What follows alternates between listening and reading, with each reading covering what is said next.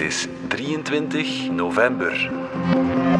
Dit is vandaag de dagelijkse podcast van de Standaard. Ik ben Alexander Lippenveld. Katrien Verhegge, de topvrouw van het agentschap Opgroeien, heeft ontslag genomen of moeten nemen, omdat er verhalen over wantoestanden in de kinderopvang bleven naar boven komen.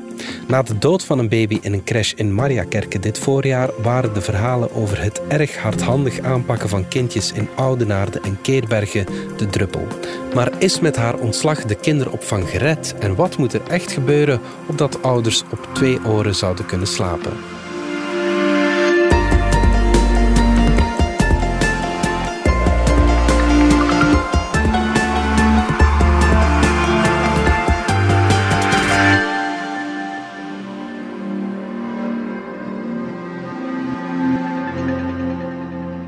Luisteren naar een ingelezen getuigenis van een oud-medewerkster van Bengeltje in Oudenaarde. Mijn zoontje was acht maanden toen ik er aan de slag ging en hij mocht mee. Omdat hij het moeilijk had om mij los te laten, zei de verantwoordelijke dat ik hem niet mocht verschonen of eten geven. Als Anne dat deed, was het oké. Maar soms hoorde ik hem schreeuwen. Ik dacht, amai, wat een rebel. Het was pas toen ik zag hoe de verantwoordelijke andere kinderen eten gaf en het tot diep in hun keel propte, zoals bij ganzen, dat ik besefte dat ze dat ook zo bij mijn zoon moet hebben gedaan. Vele Beel van onze Binnenlandredactie. De voorbije week zijn een paar hallucinante verhalen over de kinderopvang naar buiten gekomen, die uiteindelijk ook de kop gekost hebben van de topvrouw van het agentschap Opgroeien. We hoorden net een ingelezen getuigenis. Kan je nog eens kort schetsen wat daar gebeurd is in het Bengeltje in Oudenaarde? Ja, blijkbaar uh, zijn daar al tien jaar geleden enorm veel klachten doorgestroomd naar kind en gezin. Mhm. Kinderen die geslagen werden, kinderen die met verwondingen naar huis gingen, omdat ze zogezegd uh, gemakkelijk vanzelf vielen. Mhm. Uh, rare verwondingen, een kindertje dat tot bloedens toe open lag. Kinderen die te veel huilden, werden s'morgens al in bed gelegd. Kinderen die recht bleven staan in bed, werden omvergeduwd. Als een kind een ander kind beet, beet de verantwoordelijke dat kind. Kinderen die in een bergruimte worden gestopt voor straf, maar ook uh, kinderen die uh, zo geforceerd gevoed worden dat ze uh, ervan overgeven in hun eigen bordje en dan met hun gezicht in het bordje werden geduwd. Het is eigenlijk te vreselijk om te horen en om te lezen. Ja. Uh, ook met hun uh, hoofd in het toilet werd geduwd terwijl er doorgespoeld werd. Je wil het eigenlijk allemaal niet horen. Nee, ja, als jonge vader keert mijn maag daarvan om, om eerlijk te zijn. Het duurt ook even voor je zoiets kunt geloven. De verantwoordelijke was erg dominant en kwam er ook altijd mee weg. Ze had geen opleiding om met kinderen te werken, maar ze pochte graag over haar aanpak en lachte enorm. We hebben dikwijls naar elkaar gekeken met een blik van... Dit kan toch niet? In Keerbergen was er ook een uh, crash die ja, gesloten is. Hè? Ja, met dit verschil. Um, in um, Oudenaarde is die crash nu definitief geschorst. In mm. Keerbergen is het een tijdelijke schorsing in afwachting van verdere opvolging. Daar is een foto naar buiten gekomen van een kind dat uh, met duct tape werd vastgebonden. In eerste instantie zei de uitbaasster dat het uh, een wraakactie was van een werknemster. Maar nu blijkt dat daar toch ook al eerder uh, bij dezelfde uitbaatster, weliswaar in een andere crèche, ook uh, heel veel klachten waren mm. bovengekomen en een heel negatief inspectierapport bovenkwam. Ja, ja, Tien ja. jaar geleden ook al. Intussen zijn vijf crèches van uh, Mippie en Moppie gesloten in Keerbergen en Zemst van dezelfde uitbaters nadat opnieuw hallucinante rapporten uit het verleden in de pers kwamen. Opvallend vele het sleept bij beide verhalen al heel lang aan. Hè? Ja, met de blik van nu daarnaar kijken is moeilijk. Maar je ziet dan in de, in de eindbeslissing van het agentschap Opgroeien, zie je dat er inderdaad inspecties uh, naartoe zijn gestuurd omdat er klachten waren. Mhm. Op het moment dat die inspectie dan langs gaat, bij een meestal aangekondigd bezoek, dan is er geen vuiltje aan de lucht. Ja. Dan uh, zijn ze daar vriendelijk, uh, is de crèche proper. En... Keeping up appearances uh, Ja. heet dat dan. Ja, ja, ja. En had het agentschap opgroeien dan echt niet eerder kunnen ingrijpen? Ja, dat is natuurlijk de vraag. En er zijn in heel deze geschiedenis een hele hoop gemiste kansen, zou ik denken. Mhm. Maar om te beginnen hebben ze bijvoorbeeld heel weinig inspecteurs voor een heel groot aantal kinderopvanginitiatieven. Tot twee keer toe in Oudenaarde zijn er medewerkers naar de politie gestapt. Hun klachten zijn daar uh, niet ernstig genomen. Mhm. In 2011 wellicht een seponering, want die medewerkers hebben daar nooit meer iets van gehoord. Mhm. Uh, in 2021 opnieuw een seponering bij nieuwe klachten. gelijkaardige klachten, even erg. Toen heeft Opgroeien zich uh, burgerlijke partij gesteld, vandaar dat ze wisten dat de zaak geseponeerd werd. En dan hebben ze wel uh, meer op de bal gespeeld. De inspectie is vaker langs geweest. Mm -hmm. In november of zo is de zaak geseponeerd, november 21. In maart uh, hebben ze een bezoek gebracht en vastgesteld dat er in januari nog een ernstig incident is gebeurd. Een kind dat verbrand werd door het morsen van hete soep. Okay. Niet alleen dat, uh, de medewerkers reageerden daar ook niet gepast op. De, het kind werd niet geholpen, de kleding werd niet verwijderd en dat kind had dus een tweede graads brandwonde. Mm -hmm. En terwijl er al die problemen waren, kon de crèche in Oudenaarde een paar keer uitbreiden. Kregen ze meer plaatsen, meer gesubsidieerde plaatsen. Mhm. En in Keerbergen kon uh, de initiatiefneemster uh, nieuwe crèches opstarten de hele tijd. Okay, dat ja. houd je eigenlijk niet voor mogelijk. Dat roept toch allemaal heel veel vragen op. Hè? Is er dan nog niets veranderd in de aanpak van die klachten sinds de dood van die, die baby dit voorjaar in het Sloeberhuisje in, in Mariakerke? Daar is toch ondertussen al negen maanden overgegaan. En het gaat toch om een heel belangrijk dossier. Ja, er is ook in het Vlaams parlement een onderzoekscommissie geweest over de kinderopvang. Daar heeft men toen duidelijk gezegd dat die, de juridische aanpak van het agentschap opgroeien te veel vertraging opleverde en niet goed genoeg was om de kinderopvang uh, goed op te volgen. Men heeft ook beslist om te vertrekken vanuit het voorzorgsprincipe. Dus niet wachten tot je een definitief bewijs hebt van mishandeling van een kind, maar al bij grote ongerustheid maatregelen nemen. Ja. En het resultaat van die nieuwe aanpak is dat er dit jaar al 37 keer uh, beslist is om een vergunning van een crèche tijdelijk of definitief in te trekken. Ja. En uh, de onderzoekscommissie heeft ook gevraagd om al die probleemcrèches namelijk opnieuw onder de loep te nemen. Dat is nu aan het gebeuren. Mm -hmm. Niettemin heeft minister Krevits, die net opnieuw begonnen is, mm -hmm. in het parlement gezegd dat ze vindt dat er toch veel sneller had kunnen ingegrepen worden. Ja. Ik heb uh, in de zomer gevraagd aan uh, mijn diensten om het voorzorgsprincipe sneller te hanteren. Op basis van de informatie waarover ik nu beschik in het dossier Oudenaarde, moet ik eigenlijk besluiten dat in dit dossier er een onvoorstelbare juridisering gebeurd is. Stond het bengeltje op de lijst van de 54 voorzieningen die geherevalueerd werden? Ja. Meer zelfs. Op 16 juni, op 16 juni, collega's, is er een voornemen tot schorsing uitgesproken. Maar als ik kijk naar de tijd die nodig is om die vraag dan te stellen en dan dat advies komt, en dan, loopt, dan vind ik persoonlijk dat dit veel te lang geduurd heeft. Ja, velen, het Sloeberhuisje, dat was dit voorjaar. Dit komt daar dan nog bij. De druk op de topvrouw van het agentschap Opgroeien, Katrien Verheggen, die werd te hoog en vrijdag stapte ze op. In onderling overleg werd er dan gezegd, maar ik neem aan dat het onder uh, lichte dwang was. Hè? Ja, ik was daar natuurlijk niet bij. Nee. Maar uit haar woorden van haar afscheidsmail kun je wel opmaken dat ze het er moeilijk mee had. Mhm. Ze zei dat ze wilde blijven vechten, maar dat kon niet.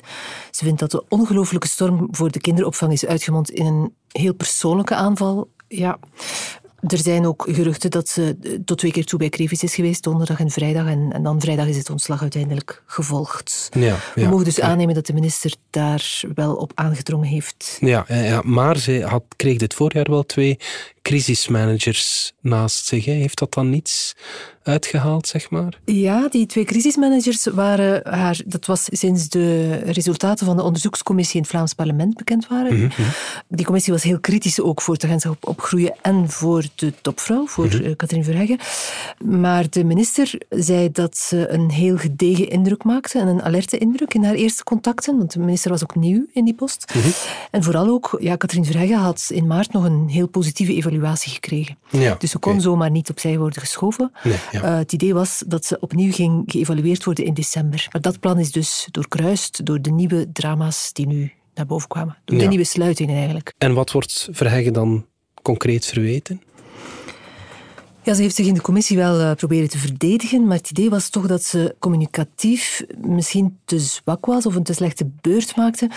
Ze kreeg niet uitgelegd waarom alles zo lang aansleepte. Uh, het was steeds het verhaal van de lange procedures en natuurlijk kan je niet zomaar uh, crèches lukraak sluiten, maar je had de indruk dat opgroeien zich een beetje verstopte achter alle juridische, achter de lange juridische gang van zaken. Ja. Dat is ook natuurlijk wat het agentschap nu wordt aangevreven. Het duurt te lang, het moet sneller. Mm problemen mogen niet zo lang aanslepen. Ja, ze heeft wel heel lang aan de top gestaan van dat agentschap. Hè. Dan kan ik me voorstellen dat ze ook wel haar verdienst had, dat ze helemaal niet onbekwaam was, wat daar nu soms wel verweten wordt door bepaalde partijen. Naar wat ik hoor van mhm. binnen het agentschap is dat ze eigenlijk geliefd is, dat ze haar ploeg goed uh, coacht op een menselijke manier. Mhm de, de hele interne kant van de zaken ken ik ook niet. Maar ze had ook uh, natuurlijk een groot uh, takenpakket. Het agentschap Opgroeien bestaat nog niet zo lang. Dat is een fusie van eh, kind en gezin en jeugdhulp vroeger. Okay. Dat is een verdubbeling van het takenpakket. kwam daar ook nog eens bij dat de kinderbijslag moest overgeheveld worden van federaal naar Vlaams. Dat werd het groeipakket punt is bijvoorbeeld dat ze daarvoor wel, uh, dat kwam in de commissie in het parlement naar boven, ze had dus wel gevraagd naar meer middelen voor een goed uh, IT-systeem voor het groeipakket. Mhm. Maar niet voor de kinderopvang. Ja. En net met dat IT-systeem zijn er zoveel problemen gebleken. Ja. Dat was niet transparant genoeg, dat bracht de problemen niet genoeg naar boven. Mhm. Het parlement verweet haar, waarom heb je dat niet uh, gevraagd? Ja, ja. Zei, ja, je, je, moest kiezen, kon niet alles tegelijk. Ja, ja, inderdaad. Het is natuurlijk ook wrang, want er wordt wel bespaard op welzijn. Hè? Ja, ja dat, is, dat is misschien ook voor haar ook erg pijnlijk. En er zijn een heleboel beslissingen genomen, eh, politiek, die bijvoorbeeld uh, gezorgd hebben dat er minder volk zit bij opgroeien voor de handhaving. Mhm. Uh, mensen die vroeger op terrein werkten, zijn naar binnen getrokken om mee voor die handhaving in te staan. Mhm. Dus mensen op het terrein hebben ze daar ook minder, die de kinderopvang bijstaan. Ja, wat nog? De, de verhoging van de kindnorm is een politieke beslissing. Ja, dat is het aantal kindjes per begeleider. Het feit dat uh, zelfstandige crèches na de eeuwwisseling weliswaar voor haar tijd al, uh, mochten opstarten zonder veel diplomavereisten en zo. Mhm.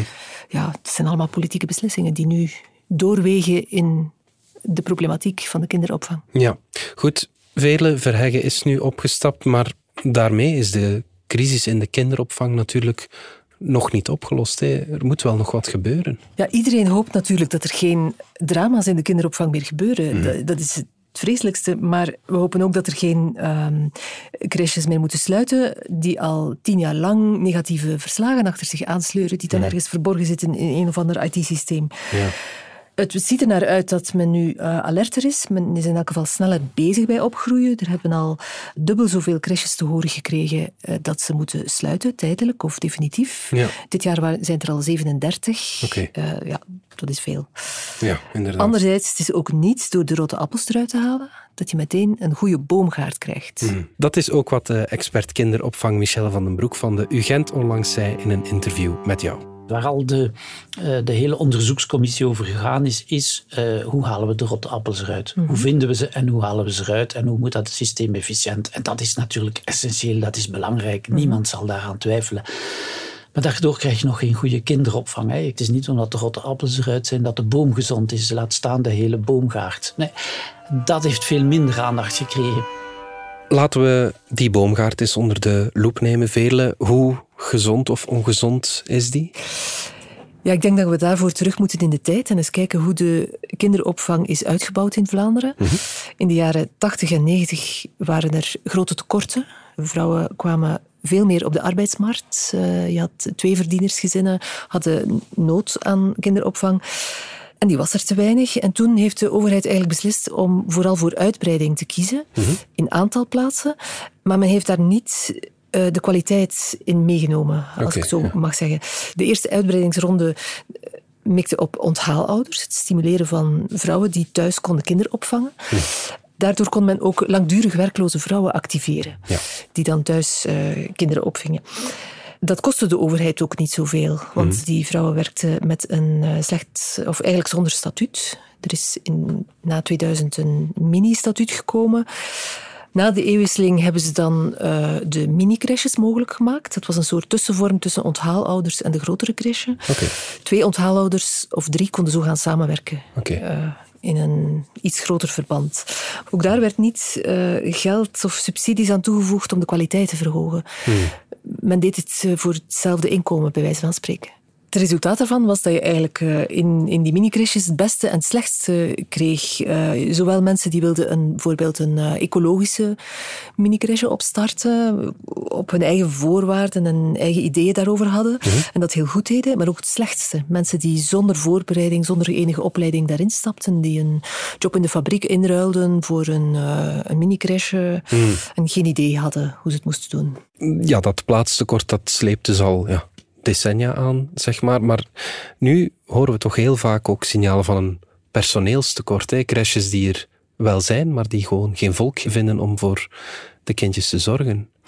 Ja, dat is een uh, probleem in de hele zorgsector nu. Hè? Mm -hmm. De Vlaamse kinderrechtcommissaris heeft er nog een punt van gemaakt, naar aanleiding van haar jaarverslag.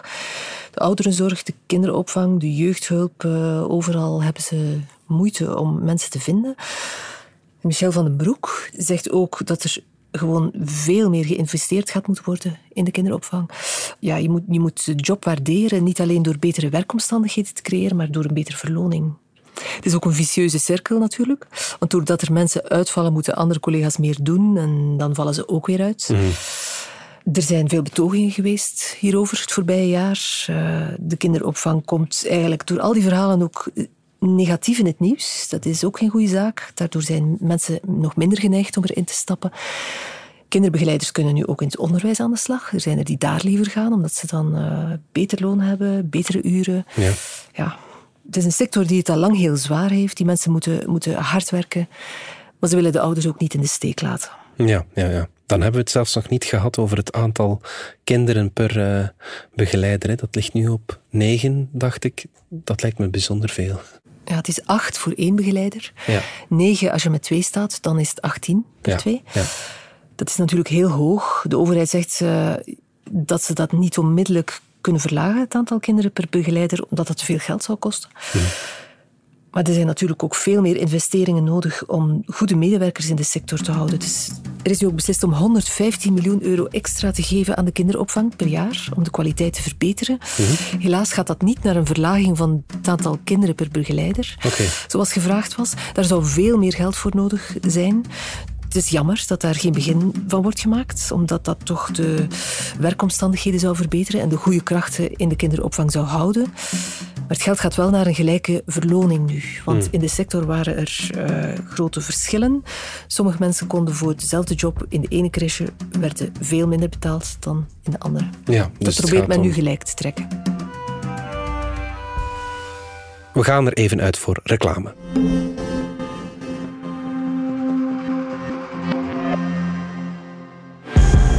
Waar lig jij wakker van? Wat moet ik opgeven voor mijn kind? Dat ik mij schuldig moet voelen over het klimaat. Vijf jonge redacteurs van De Standaard gaan op zoek naar antwoorden op persoonlijke vragen in de podcastreeks Klaar Wakker. Als ik nu bijvoorbeeld aan jou zou vragen van wat is voor u thuis zijn? Hoe kunnen we samen veiliger uitgaan? Is dat huis en die zekerheid mij dan zoveel waard? Luister vanaf 4 november naar de reeks Klaar Wakker in de app DS Podcast of op je favoriete podcastplatform.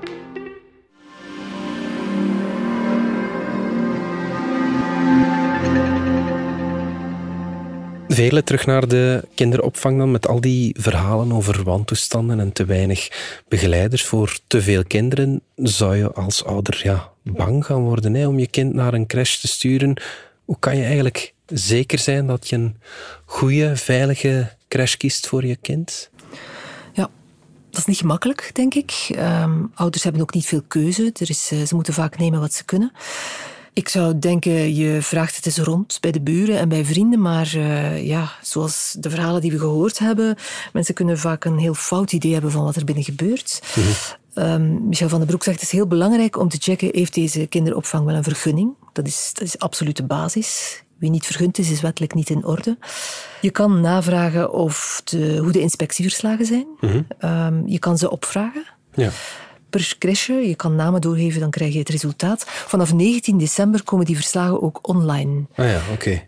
Mondjesmaat. De ja. verslagen die dan uh, klaar zijn, zullen dan online worden gezet. We luisteren nog eens wat uh, kinderopvangexpert Michel van den Broek daarover zegt. Je kan als ouder niet verantwoordelijk gesteld worden voor de kwaliteit van het kinderopvang. Dat is een, een verhaal, een, een discours van je moet goed kiezen. En, en dat kan niet. Laat ons realistisch zijn. De meeste ouders hebben geen keuze, ten eerste. Dus je moet bijna ja, je moet gaan daar waar er plek is. En ten tweede, de essentie van kwaliteit, dat is hoe de volwassene met de kinderen omgaat. En die speelt zich af waar je als ouder niet bij bent, per definitie. Dus dat idee van je moet goed kiezen, um, dat, dat, dat is een vals idee. En dus dat schuldgevoel is ook, is ook helemaal niet op zijn plaats. De verantwoordelijkheid voor hoe de kinderopvang ligt bij de mensen die hem organiseren en de samenleving die hen de context geeft. Vele met al die crashes die moeten sluiten, zijn er heel wat ouders die hals over kop een andere crèche moeten zoeken. En er is al een plaatstekort. Vinden die mensen nog wel een plaats voor hun kind? Ja, het is altijd heel moeilijk als er een crèche sluit. Mhm. Net omdat er geen overaanbod aan plaatsen is. En daarom heeft uh, het kabinet Welzijn niet zo lang geleden ook een nieuwe uh, maatregel ingesteld, waarbij lokale besturen verplicht worden om noodopvang te, te moeten... Ja, zij moeten dat organiseren. Ja. Ze moeten dat zoeken in de omgeving. Oudenaarde is daar bijvoorbeeld nu ook mee bezig. Dat betekent dan dat ze extra plekken proberen te creëren in de bestaande andere opvang. Het is maar een tijdelijke maatregel natuurlijk, want die moeten er dan ineens twee, drie kinderen bij nemen. Dat is ook niet zo evident. Ja, ja, ja dat uh, zet dan weer een ander probleem in gang natuurlijk. Uh, ja. Er zijn ook ouders die dan uh, noodgedwongen andere oplossingen zoeken. langer verlof nemen van het werk, grootouders inschakelen. Thuiswerk helpt misschien ook een beetje, hoewel dat niet gemakkelijk is met een baby. Mhm. Om die beide te combineren. Ja, ik heb ook eh, de afgelopen maanden wel een paar interviews gedaan met mensen die besloten om hun kind niet naar de opvang te sturen. Net omwille van het feit dat daar te veel kinderen per begeleider zijn. Mhm. Vooral uh, ouders die zeiden, je mag, je mag, een dag gaan kijken in de crèche. En ik zag uh, acht baby's bij één begeleidster. Dat uh, krijg ik niet over mijn hart om een kind daar naartoe te sturen. Dus ja. In Jette zijn een aantal ouders ook zelf bij hen thuis een crèche begonnen, omdat uh, de crèche daar personeelsproblemen kende en besloot om elke week een groep te sluiten. Hm. Ja, dan sta je daar met een week zonder opvang. Dat is allemaal niet evident. En zou het niet gewoon fijner zijn, velen, voor vaders en moeders om ja, gewoon langer thuis te blijven bij hun kind? Ja, dat is wat... Uh, daar is discussie over. Uh, er zijn heel wat ouders die dat zouden willen. Er hm. zijn anderen die dat niet willen. Maar misschien is het een idee om, zoals uh, Bino Singh, de kinderpsychiater, vorige week ook uh, nog eens beklemtoonde, misschien is het een idee om de hele kinderopvang te herdenken. Ja. En dat je van nul moet herbeginnen en kijken wat hebben ouders en kinderen nodig. Mm En dan is die hechting in het eerste levensjaar volgens haar wel heel belangrijk. In elk geval is het belangrijk dat kinderen in dat eerste levensjaar niet in stressvolle omstandigheden terechtkomen van kinderopvang die pedagogisch uh, niet goed bezig is. Mm, uh, dat moet toch ten alle prijzen vermeden worden. Ja. De sector zelf wil het aantal kinderen per uh, begeleider naar beneden. minister Beke, de vorige minister van Welzijn, heeft ook al eens voorgesteld om het ouderschapsverlof te beperken tot de leeftijd van drie jaar. Ja. Zodat ouders inderdaad meer kunnen thuisblijven, langer, en het kind pas later naar de opvang gaat. Ja dat zijn allemaal nog zaken die voorliggen ter discussie. Hmm, goed, vele beel, dankjewel. Graag gedaan. Blijf nog even hangen, want ik heb een bijzondere luistertip. Toen tv-maker Bart de Pauw exact vijf jaar geleden in een video bekendmaakte dat hij wegens klachten over grensoverschrijdend gedrag niet meer voor de VRT mocht werken, barstte MeToo in Vlaanderen los. In de vijfdelige podcast Na de Storm onderzoekt Vele Segers wat er intussen veranderd is. Ze doet dat met getuigenissen van de actrices Lisa Naert, Maaike Kafmeijer. Ik moet ergens de lente in dit zien. Als dat niet is, dan is het voor niks niet nodig geweest. Want het is wel zo, hier allen wel uit leren. Hè? Echt waar, hè? Met Valerie Droeven, die de zaak voor de standaard volgde, psychiater Dirk de Wachter, Steven Colasny van het koor Scala en Lisbeth Stevens van het Instituut voor de Gelijkheid van Mannen en Vrouwen. Na de storm vanaf 9 november in de app DS Podcast of je favoriete podcast-app. Een co-productie van de Standaard en productiehuis De Hofleveranciers. Dit was vandaag de dagelijkse podcast van De Standaard. Bedankt voor het luisteren. Volg ons op Spotify, Apple Podcast of eender welk ander podcastplatform. In onze gratis FDS podcast kan je niet alleen ons werk beluisteren, maar ook de beste podcasttips terugvinden, met zorg geselecteerd door onze redacteur Max de Moor. Alle credits van de podcast die je net hoorde vind je op standaard.be-podcast. Reageren kan via podcast.standaard.be. Morgen zijn we opnieuw.